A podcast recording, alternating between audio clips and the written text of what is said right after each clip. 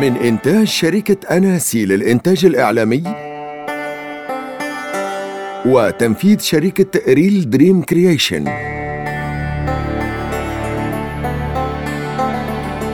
سلسلة مروة. مروة. أهلا ومرحبا وسهلا بكم أعزائنا المتابعين والمستمعين أينما كنتم. بكل فخر ومحبة ولهفة يتجدد اللقاء بكم. ما أجمل الرجوع مجددا إلى مروة وحلقات جديدة من المروءة. نلتقي من خلال هذا البودكاست الرائع هذه المدونة الصوتية المميزة لنتحدث عن قيم عربية جميلة عن أخلاقيات رائعة وسلوكيات أروع. وبطلة حلقاتنا هي بكل تأكيد المروءة. وكما قال العالم الحسن البصري اسحب الناس بأي خلق شئت يصحبوك فبأي خلق تريدون أن يصحبكم الناس؟ أنا شخصيا وأتوقع أصدقائي فريق مروة نطمح إلى الخلق الحميد أليس كذلك؟ أجل طبعاً، أكيد طبعاً، طبعا أكيد،. طبعا الأخلاق هي أساس الحياة وأساس نجاح كل أمة قال عمرو بن أهتم بن سمي السعدي لعمرك ما ضاقت بلاد بأهلها ولكن أخلاق الرجال تضيق. الله. جميل. جميل. إذا الأخلاق أساس كل شيء فديننا دين أخلاق وتسامح وحب ورسولنا الكريم صلى الله عليه وسلم صلى الله عليه وسلم. قدوة في الأخلاق. وعندما أراد الله تعالى وصف نبيه الكريم محمدا صلى الله عليه وسلم الله في كتابه العزيز قال وإنك لعلى خلق عظيم. صدق الله العظيم. صدق الله العظيم. ويقول الرسول الكريم صلى الله عليه وسلم صلى عن الله نفسه عليه وسلم. إنما بعثت لأتمم مكارم الأخلاق. صدق رسول الله. صدق رسول الله صلى الله عليه وسلم مدرستنا في الأخلاق والنبل والمروءة. مروى بودكاست دوت كوم. نرحب في هذه الحلقة الرائعة هذه الحلقة الاستثنائية بفنان تشكيلي وأستاذ في الفنون التشكيلية الأستاذ سلمان علي الصغير. أهلا وسهلا بك. أهلا وسهلا. أهلا أستاذ مرحبا بك. أهلا وسهلا. شكرا. شكرا على الاستضافة. الفن محمل لكل ما هو جميل. كيف هي العلاقة بين المروءة والفن وكيف يتأثر الفن بالمروءة أيضا؟ إذا ما اعتبرنا أن المروءة هي جملة القيم الأخلاقية التي تتفق عليها المجتمعات فهي أجمل ما أنتجه ذلك المجتمع. اذا لا يمكن أن نتحدث عن طرف يمكن أن يعبر على هذه المروءة أكثر من الفن لأن الفن هو محمل لهواجس الإنسان في صورة جميلة وما أحلى أن تكون هذه القيم في صورة جميلة. نعم الفن يهذب النفوس أستاذ. نعم. لا, لا يمكن أن نتحدث عن فنان بدون تهذيب النفوس. يكون هناك نشاز ربما. نعم لأن الفن هو في تواصل مع كل ما هو جميل. نعم. داخلي وخارجي. كل ما هو وجداني وصداه سيكون في الفعل. لأن حركة الفنان مع اللوحة وحركة الفنان مع العود حركة الفنان فوق الركح لكن يظهرها في شكل جميل حتى تستساغ لعموم الناس وخواص الناس. نعم. بالضبط. سؤالي أستاذ هو التالي. المروءة من خلال تدريسكم للفنون البصرية وطبعا الفوتوغرافية وغيرها من الفنون في اعتقادك كيف يتم تمريرها للأجيال القادمة؟ يعني الصيغ التي تعتمدونها لتمرير كل هذه الأشكال الفنية. إذا ما تحدثنا عن التدريس فنحن نتحدث عن علاقة المربي بالطالب أو بالتلميذ. إذا ما تحدثنا على التربية فهي جملة القيم التي يستسيغها كل مجتمع لتمريرها لأبنائنا إذا فالفنان التشكيلي أو الأستاذ الفنون التشكيلية هو رسول لهذه القيم جميل مع جميل هذا هاي المصطلح جميل. رسول هذه لهذه الصورة. القيم نعم. هاي رسول لهذه القيم لأطفالنا وللناشئة ولشبابنا حيث أن الفن هو لغة حوار جميلة ولغة تواصل. ورسالتنا اليوم هو أن نجتمع حول مائدة هذه القيم لبلورتها في المجتمع فيكون المربي هو البوابة الأولى أو الحاضنة الأولى لهذه القيم الجميلة. فيكون الف- الفوتوغرافي مثلا هو عين المجتمع اليومية من تلك خلال هذه العدسة. هو لن يغير من واقع المجتمع بل سيبرز السيء ويعطي أمل للمجتمع. إذا لم يعطي هذا الفوتوغرافي أمل للمجتمع فذلك دوره دور خاطئ أو. دور بعيدا عن دوره الحقيقي أو الطبيعي. الفوتوغرافي في اعتقادي من خلال عدسته يقدم إشكاليات لكن برؤية فنية جميلة صحيح. ولذلك عندما ندرس الفنون أو الفنون البصرية وخاصة الفوتوغرافي نقول لهم نحن لن نأخذ صورة من الواقع بل سنصنع صورة من وإلى الواقع أي صناعة صورة وليست أخذ صورة. وهذه الصناعة ستعود إلى جملة أكاديمية حرفية وفي نفس الوقت إلى هواجس طيبة من ذلك الفوتوغرافي اللي النابعة من وجدانه بأحاسيسه إلى رؤيته الجميلة لهذا المجتمع أو إلى ما يرمو له أن يكون في هذا المجتمع. الفنان يعني معروف بنرجسيته بالقليل من الأنانية وحب الذات و آه، أنتم كمدرس وفنان تشكيلي آه، كيف تخلصتم من هذه الصفة؟ كيف تخلصتم من هذه المشكلة؟ إذا ما بحثنا في الفن وجدوى الفن ونجاعة الفن في المجتمع لن يكون فردانيا على الفنان أن يعي أن العمل هو عمل جماعي بامتياز فهو عمل تشاركي مع كل أطراف المجتمع. الفن كل ما هو إتقان جميل. من القمة إلى القاعدة. عمل تفاعلي. نعم. عندما يتفاعل الطالب مع الأستاذ سيد نتعلم من طلبتنا لأنهم يرون من منظور مختلف وسنتعلم من ناقد الفن الذي سيشاهد هذا هذا العمل. على سبيل المثال في الرسم هو باب كبير وفي أنواع الرسم هناك المشاهد الطبيعية وال- والرسم نعم. كان الفن فيه الإيزم في تعريف نتحدث عن تيارات فكرية الآن مع الفن المعاصر نتحدث عن تجربة فنية مشتركة. وليست جملة من الأفكار لإسقاطها في المجتمع بل هي نابعة من الحياة اليومية التي يعيشها الفنان مع مجتمعه. وإن لم يكن ملتحم مع هذا المجتمع فهو يغرد خارج السرب ولا يمكن اعتباره إبداع جماعي بل هو إن فرض ل- لفكرة فردية. أستاذ سلمان علي صغير رسمت لوحة جميلة من الفن والمروءة اليوم معنا في حلقة كما قلت استثنائية من مروة. شكرا جزيلا على مشاركتك. وأود شكركم أنكم تبنيتم فكرة المروءة في وقت قد تناسوا أو نسوا فيه معنى المروءة. اشتركوا الآن في قناتنا على أبل بودكاست وها قد حان الوقت. لرحلة من نوع آخر. رحلة الدراما والتمثيل والقصص العربية الخالدة. يجسدها الأصدقاء الذين تعودتم على وجودهم معنا. أنور سندس محمد وحسونة. المسرح لكم الآن. شهامة الجار. قصة عن الشهامة والمروءة. في حسن الجيرة عند العرب بين معثم بن غبين العنزي ورجل يدعى أبو خلف. فعندما أصاب القحط ديرة معثم بن غبين رحلا يبحث عن أرض خصبة ليعيش فيها.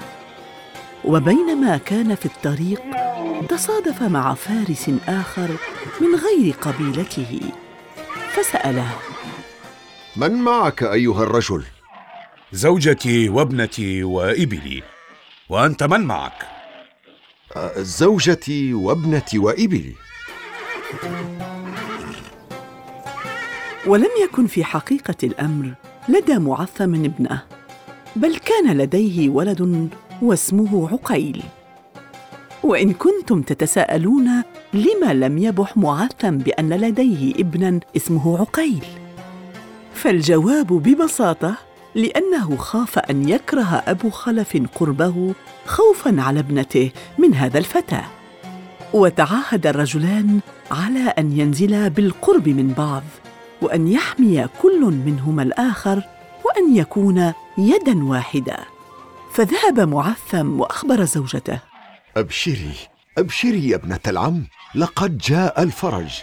لقد تعاهدت مع أبي خلف على أن يحمي كل منا الآخر وأن نعيش في جوار بعضنا. لكنني لكنني أخفيت عليه أمر عقيل وقلت له إن لدينا بنتا. ماذا تقول يا رجل؟ لا يمكنني أن أرضى بذلك. كيف لي أن أنكر ابني وأدعي أنه فتاة؟ كيف رضيتها يا أبا عقيل؟ كيف ذلك؟ لكن عقيلا قبل بالخطة حتى يعيش في سلام برفقة رجل شهم نبيل وقوي. وقال معثم لابنه عقيل اسمعني جيدا يا ولدي. أرجوك ارتدي لباس فتاة ولا تتكلم في وجود زوجة الجار أو ابنته حتى ينتهي الربيع.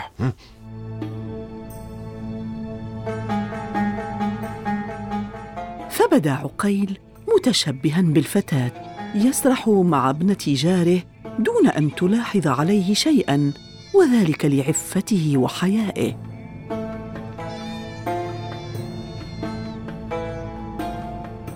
ولكن المخفي والمكتوم لم يدم فقد حصل الأمر الذي أرغم الفتى بالكشف عن حقيقته وإبراز شخصيته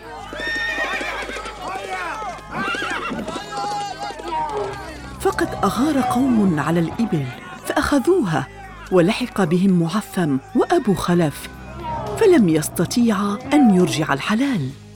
وعندها لم يطل الصبر بعقيل فركب فرسه حيث أنه كان من أشجع فرسان العرب في ذلك الزمن.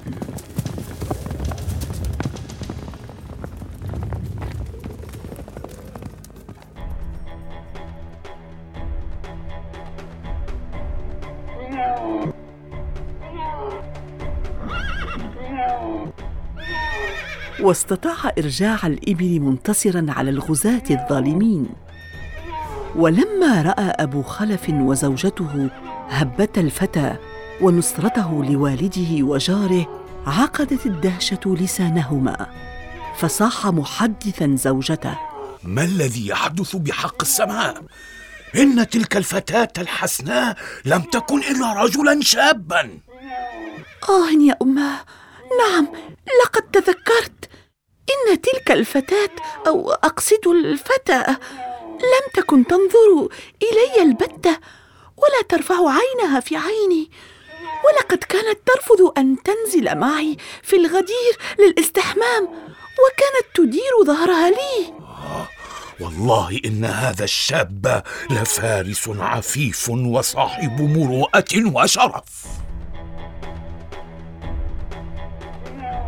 وعندما وصل عقيل إلى المنازل ومعه الإبل وبعض الأسرى قابلته الفتاة بهذه الأبيات. أهلا بمن سلامه يداوي وجع الزمان وغدر الخلان. أشهد فيه شهادة حق بأنه فارس عفيف كريم الخلق. ولم يرمني بطرف ولا بناني أيا جارة البيداء والنسب أشكو إلى الليل البهيم صبابتي. ولا أبوح لكم بما في القلب من لهب. أطوي الثرى في صون دياركم ولا أبدي ما في الروح من تعب.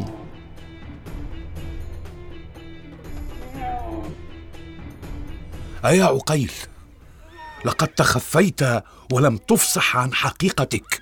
كرامة للجار وخشية تنفيره من وجود فتى في حينا نعم نعم. أحسنت أحسنت. شكرا شكرا يا سيدي. أما أنت يا من أحسنت جواري في غربتي طوبى لك بهذا الابن الشهم النبيل.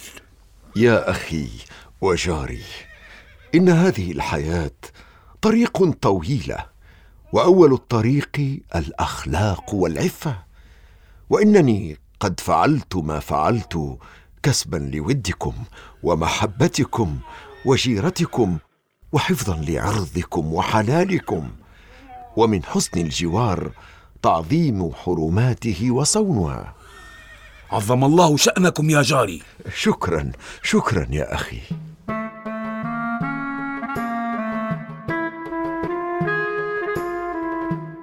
وبعد انتهاء الربيع رحل كل إلى أهله وافترق عقيل عن الفتاة ولكنه ظل هائما في حبها حتى مرض بسبب فراقها. وعلم صديقه فهيد بأن عقيلا مريض فبعث بطبيب عربي لعلاجه ويدعى عيد. وعندما أحمى عيد المنشار ليكوي عقيل قال يا من تحمي المنشار بالنار دعه جروح قلبي حاميات مكتوية. ما بي مرض يعيد لا شك علة من غير شفاء طبيب. أداويها. الصاحب من لديه القلب كله. واليوم لا أدري أين دهره وقراره.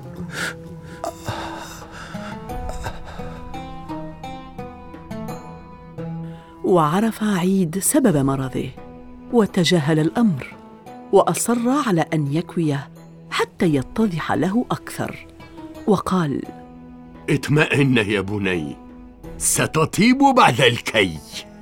يا عيد لو كويتني ليس بي أوجاع ليتك عرفت بعلتي وبلائي. محنة ومصاب وضياع.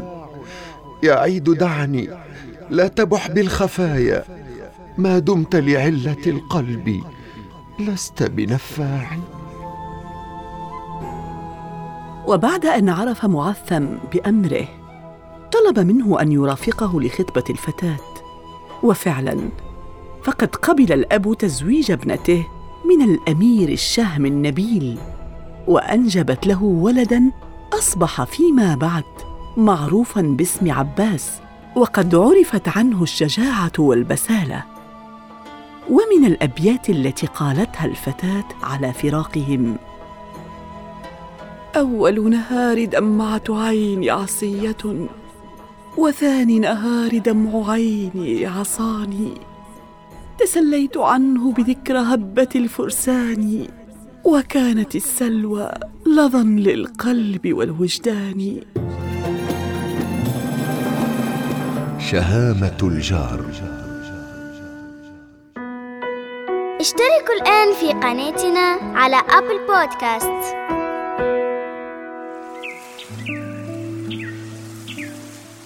قصة جميلة وصفات أجمل وخلق رفيع بالفعل.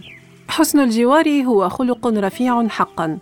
هو الإحسان إلى الأشخاص الذين يجاوروننا بالسكن وتجنب إيذائهم والالتزام بأخلاق الإسلام في التعامل معهم. وعدم إلحاق أي أذى بهم مهما صغر وعدم ظلمهم واحترام حرمة بيوتهم والالتزام طبعا بحسن الأخلاق في التعامل معهم وترك الأثر الطيب في نفوسهم. وكل ذلك أعزائي المستمعين بهدف إنشاء مجتمع متماسك وطيب يحب بعضه بعضا ويتمنى فيه الجميع الخير لبعضهم البعض. ولا يقتصر ذلك أحبتي على الجار المسلم حيث أنه واجب على الجار مهما كانت ديانته. ما رأيك سندس في هذا الإبداع في الجوار؟ هل لديك جيران طيبون؟ أجل ذكرى فجيراني آه، معظمهم طيبون وخاصة جارتي سلوى فإننا على تواصل دائم مع بعضنا البعض. اذا تحياتنا إلى سلوى. إلى أجل. سلوى. نتمنى أن تكون في الاستماع. محمد وهل أنت جار نبيل طيب؟ آه، نحن اليوم أخت ذكرى ندفع ضريبة التمدن والتطور والتحضر آه، حيث أن أصبحت طريقة السكن تفصل بين الجيران وتبعد بينهم من حيث المسافة يعني أقصد. آه، بدوري أحيل السؤال على أنور. أنا أنا دائما من طبعي ك- كإنسان متفائل ودائما أرى الخير في ال- في في الجميع. ولكن آه، طبعا هناك الخيرون وهناك آه، السيئون. أنا شخصيا أتحدث هنا عن تجربتي الخاصة. لدي جيران طيبون نتواصل في بعض الأحيان. نزور بعضنا خصوصا عند عند الحاجة ولكن تعرف الإخوان عند الشدائد. تحياتنا إلى كل جيراننا وكل أهالينا وكل آه، المستمعين الأوفياء لمروة. أحبتي يبقى الحديث معكم ذا شجون دائما ولا نمل من المروءة وقصصها ودروسها أبدا ولكن لابد لكل بداية من نهاية. وعلى وعد بأن نلتقي مرة أخرى لا تنسوا مشاركتنا قصص مروة قصص إحسان ونبل وخير كثير صادفتموه في حياتكم. حتى نستفيد ونقرأها على مسامع مستمعينا تواصلوا معنا عبر موقعنا الإلكتروني وعلى صفحة الإنستغرام الخاصة بمروة.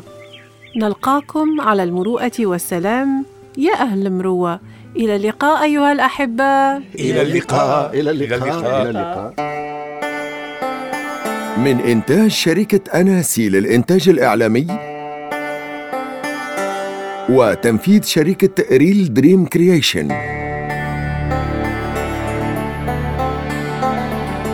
سلسلة مروة. مروة.